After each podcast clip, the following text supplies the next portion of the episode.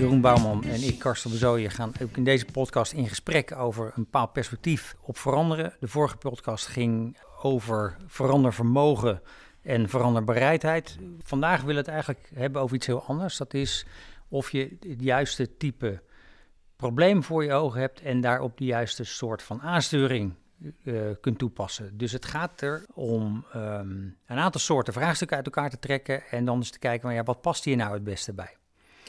In dat kader is het aardig om, en mocht je daar meer over willen weten, kun je kijken in het boek wat gratis te downloaden is op machange.com.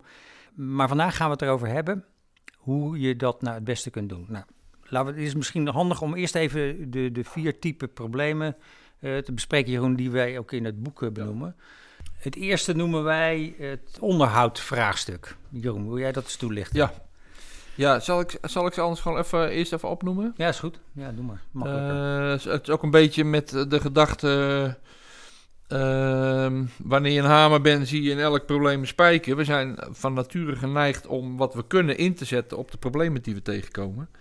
En dan is het van toeval afhankelijk of het ook op maat is. En daarom denken we dat het handig is om een onderscheid te maken. En wat heb je nou voor type problemen? Om beter te snappen hoe effectief jouw oplossing is. Of dat er misschien wat anders nodig is. Mhm. Nou, wat je zei, hè, de eerste zoals we die benoemen, zijn onderhoudsvraagstukken. Dan, dan moet je denken aan vooral routinewerkzaamheden. Het vergelijk wat we vaak maken is, uh, nou, je auto bijvoorbeeld. Als jij niet je bandenspanning controleert of je olie of je benzine af en toe controleert, dan sta je op een gegeven moment vanzelf stil. Dus dat betekent dat je dat regelmatig moet checken, controleren. Uh, het vraagt wel discipline, want zolang je het niet doet en je hebt er geen last van, is er ook geen impuls om er wat aan te doen. Tot je stilstaat en dan is het in één keer urgent. En dat zie je in organisaties precies zo van dat soort vraagstukken. Die vragen uh, discipline, maar daar komt ook snel de klad in. Dus mensen hebben daar geen zin in, of dat betekent dat je er continu op moet sturen en het zo goed mogelijk vastleggen in procedures en werkwijzes. Dus dat voor de onderhoudsvraagstukken. Het tweede type vraagstukken zijn, zoals gezegd, bekende problemen. Met andere woorden, je gaat iets aanpakken wat al eerder een keer nagenoeg exact zo gedaan is. Bijvoorbeeld de implementatie van een nieuw IT-systeem. Nou, tegenwoordig is uh, Windows 10 in. Dus heel veel organisaties zijn bezig om daar naar over te gaan of hebben dat al gedaan. Nou, Windows 10 op een PC in organisatie A is hetzelfde als in organisatie B. Hmm. Dus dan kun je van elkaar leren, dan kun je plannen. Dan kun je afvinken en dan weet je precies hoeveel PC's heb ik, hoeveel moet ik er doen, hoe lang duurt dat. Dus dat is een bekend probleem en dat is met een voorspelbare uitkomst. Dat is vooral van belang. Want voorspelbare uitkomst betekent dat je het heel projectmatig op kan pakken. Dus met mijlpalen en alles wat erbij hoort. Dan het derde type vraagstuk. Dat zijn verandervraagstukken. Het kenmerkende daarvan is, ten opzichte vooral van, van bekende problemen die je projectmatig aanpakt, zijn verandervraagstukken onvoorspelbaar en onzeker. Omdat je niet precies weet ja, hoe, dat, hoe je dat aanpakt. Vaak heeft het met cultuurverandering te maken of organisatieverandering, omdat dat kan wel in een andere organisatie ook gedaan zijn, maar voor die organisatie met die mensen is dat de eerste keer. Dus heb je maar beperkt profijt van hoe een ander het heeft gedaan. Ja, en de dingen zijn on, de, er zit een grote mate van onvoorspelbaarheid in. Ja. Dus je hebt met een aantal variabelen te maken waarvan je niet weet hoe ze zullen zijn, hoe ze uitvallen. Dus het is niet voorspelbaar. Ja. ja, en het grappige is dat dat meteen onrust vaak veroorzaakt. Dat is precies de reden waarom managementboeken zo goed verkopen. Al, staan er open deuren in, omdat mensen graag... Een soort van vooral, controle willen houden. Ja, controle houden. En ook vooral de succesverhalen van de ander willen horen. Hè? Oh, jij bent succesvol. Doe mij de tien ja. regels, dan kan ik het ook doen. En dat gaat nooit goed. Waarom niet? Omdat jouw organisatie anders is, je cultuur is anders. Het is niet te kopiëren, maar dat is wel vaak de wens. Nou ja, dat vraagt dus, om veranderprocessen vragen eigenlijk ook een procesmatige aanpak. Omdat je niet precies kan voorspellen, maar je wil wel sturing houden. Dus je gaat een richting op waarvan je denkt dat je naartoe moet. En onderweg hou je wel de ruimte om bij te sturen. Stap voor stap. Stap voor stap. Ja. En dat vraagt wel iets anders. Nou, daar komen we zo nog even op terug. Ja. ja, ten vierde, dat is eigenlijk, we noemen hem wel.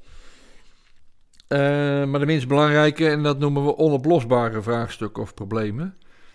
Uh, ja, in elke organisatie kom je wel vraagstukken tegen, uitdagingen tegen waar mensen tijd in stoppen. Terwijl iedereen denkt van ja, Als je het niet doet, gaat er niks mis. Nee. Is het eigenlijk wel nodig? Waarom stoppen we daar nog tijd in? Nou ja, of dat is één ding, hè, de, is het wel nodig. Of de, de, de- weet je, het is gewoon geen draagkracht voor een oplossing. Ja, kan Eh, dus ja, politiek is er bijvoorbeeld vol, vol van. Dat zie je vaak genoeg, dat eh, agendastukken gewoon een half jaar of een jaar vooruit worden gestuurd. Omdat er met de huidige constellatie gewoon geen oplossing is. Ja. En mensen staan zo lijnrecht tegenover. Er is geen compromis mogelijk. Eh, je- met polderen kom je er niet uit. Dus dan is het een onoplosbaar probleem geworden, Ja. eigenlijk. Ja, en dan vraagt het... eh, nou ja, de aanpak is eigenlijk eh, kappen ermee. Geen energie in stoppen. Hoewel het voor sommige mensen natuurlijk fijn is... maar meer als een, als een ontwijkmechanisme... Ja. Om steeds onoplosbare problemen te opperen. Want Ja. dan hoeft het niet over het werkelijke pro- probleem te gaan. Ja. Dus dat zijn ze alle vier onderhoudsvraagstukken. Nou zaten wij er net in ter voorbereiding van deze podcast eh, de- te praten over de actualiteit van vandaag eh, in de media eh, en, en sowieso ons le- leven. Dit gaat over corona. Wat misschien wel aardig is, is dat we door, die door deze bril van die vier vraagstukken eens kijken naar wat, Ja. wat, wat, wat gebeurt er nou met onze maatschappij op dit moment. Hè? We hebben het over eh, begin januari. Gisteren is eh, weer aangekondigd dat de lockdown wordt verlengd. En het levert natuurlijk een hoop gesprekstof op over eh, de aanpak en de aanvliegroute. Ehm, dus Ja. wat we wel aardig vinden is om, om door die bril eens even te kijken... van wat voor vraagstuk is dat nou eigenlijk, als je dat ziet. En het aardige is dat het, en dat laat misschien meteen de complexiteit zien... dat dat hele corona eh, eigenlijk een, een combinatie is van verschillende soorten vraagstukken. En misschien is dat wel aardig om zelfs Ja. te belichten. Ja. Waarom is het bijvoorbeeld een onderhoudsvraagstuk? Welk deel ervan is een onderhoudsvraagstuk geworden? Nou ja, wat ik, zit, ik zit nu in een ziekenhuis voor, eh, sinds een half jaar. eh, dus midden ook in het coronaverhaal. En wat je ziet is dat eh, er zijn natuurlijk heel veel procedures in de, in de, overal, maar ook zeker in de ziekenhuizen. Ja. Ehm, en die moet je gewoon op orde hebben. Als er een pandemie uitbreekt, over waar, waar het dan ook over gaat, dan Heb je mag- protocol? ja. heb je protocollen, weet je wat je moet doen. Hè? Dat, was, Ja. dat was wel interessant. Dat was in de eerste golf ook bij veel verpleegkundigen en specialisten de onzekerheid van... hey, we Mhm. hebben iets nieuws, onze protocollen werken niet. Nee. Of onze methodes werken niet. Wat Ja. geeft ontzettend eh, Ja. onrust. Ja. Dus dat betekent ook dat die, die protocollen en al die, die regels in die routine... En, eh, als je niet Mhm. oppast, slijt het erin, ga je ervan uit dat het werkt. Maar ook Ja. dat behoeft dus aanpak.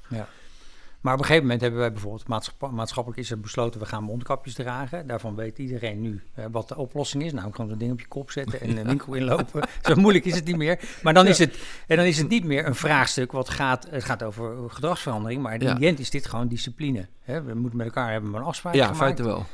En, en dit, Ja.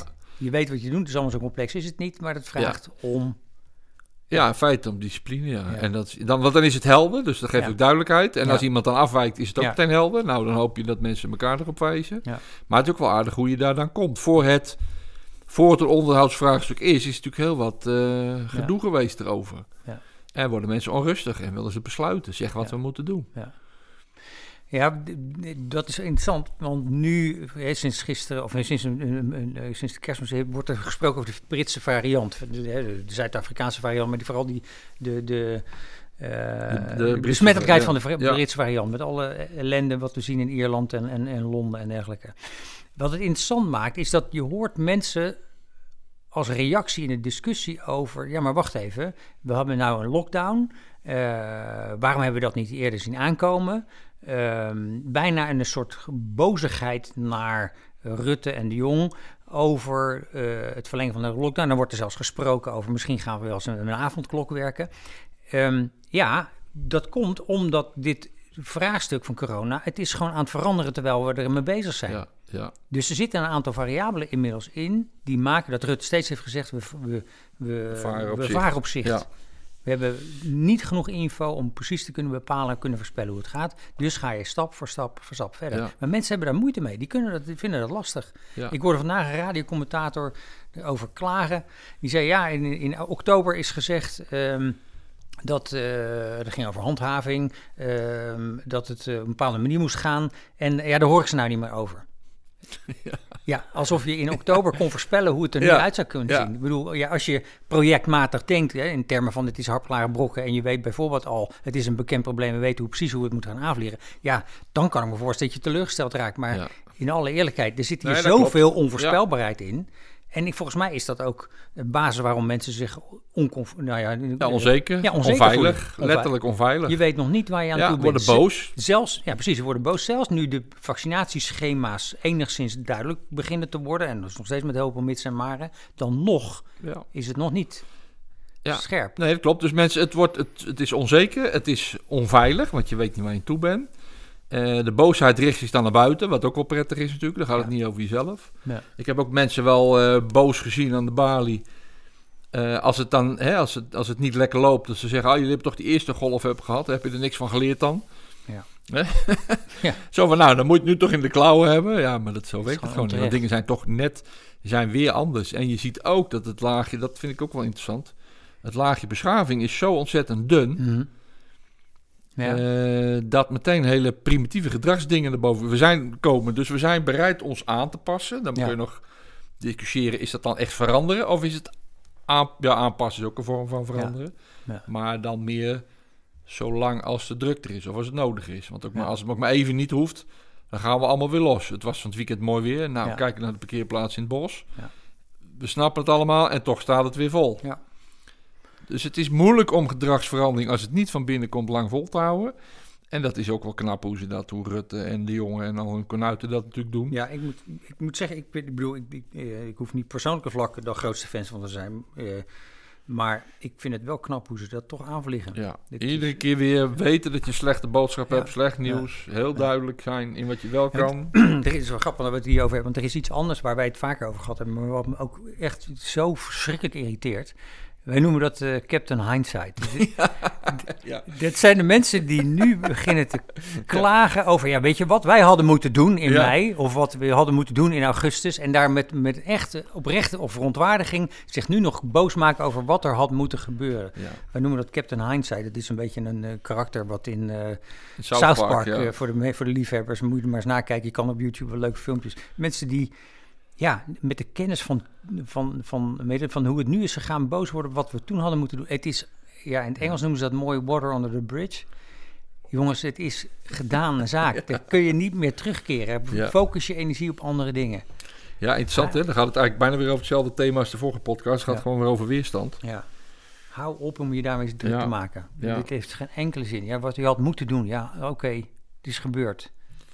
Nou ja, en het is natuurlijk wel, want het, het is een mooi voorbeeld. eh, wat je in organisaties en, en ook op kleine schaal ziet. Dat als het einde, als het niet voorspelbaar is wat het eindresultaat wordt. Ja. Of hoe lang het duurt of Ja. hoeveel het kost. Ja. Dat mensen gewoon onrustig worden. Ja. En, en ingrijpt in de, in de meest essentiële gevoel van veiligheid. Mhm. Grijpreflexen en, en zelfbehoud. Ja.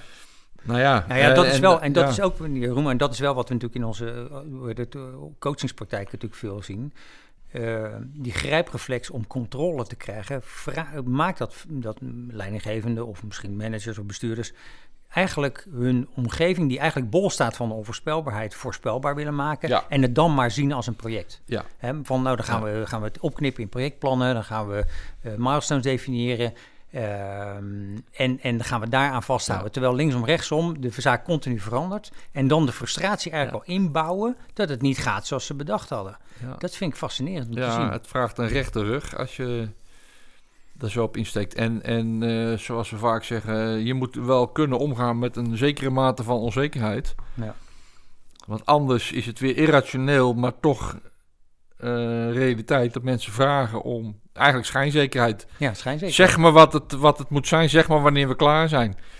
Ja. En, en dat sommigen doen dat bewust eh, de druk opbouwen. Ja. Ehm, zodat mensen zo graag iets willen dat ze bereid zijn tot ver te gaan, zolang ze maar Mhm. eh, nou ja, krijgen wat ze willen eigenlijk. Ja. Ja, en, ja, ik wil bijna zeggen, en dus leugens accepteren. Of omdat je verleidbaar bent om maar houvast te krijgen. Ja. Ja, en dan krijg je er vanzelf weer de Captain Hindsight, want Ja. dan is het toch iets anders dan ze eigenlijk hadden gehoopt. Ja. Wat je nu natuurlijk ook ziet. Ja, ja, zeker. En dan eh, lopen ze weer te mekken. Ja, ik wil meer geld, ik wil meer dit, ik wil meer dat. Ja. En het is altijd weer genuanceerder. Oké, nu we dit zo besproken hebben, hè, eh, over welk type vraagstukken zijn daar nou, eh, is misschien nog nog wel even kijken, goed om dat, die nog, toch nog even op een rijtje te zetten. Wij onderscheiden onderhoudsvraagstukken, die echt vragen over discipline die eh, eh, routinematig zijn. Dan hebben we het over de bekende problemen, waarvan we hebben gezegd, die moet je hoogstwaarschijnlijk toch op een projectmatige manier doen, voorspelbaar zijn. Dan zijn de vraagstukken die veel meer gaan over verandering. Nou, bij dat soort onvoorspelbare situaties moet je het hebben over procesmatig sturen. En dan het vierde type vraagstuk was uh, de onoplosbare problemen, waar je eigenlijk zo min mogelijk energie in moet stoppen. Nou, met die opsomming um, hopen we dat je um, wellicht vandaag of morgen meteen weer scherp hebt van hey, ben ik nou eigenlijk, uh, met wat voor type vraagstuk ben ik nou eigenlijk bezig? Heb ik daar de juiste sturing op gezet? En uh, nou, mocht je daar meer over willen weten, kijk dan op onze website www.makechange.com of geef ons een belletje.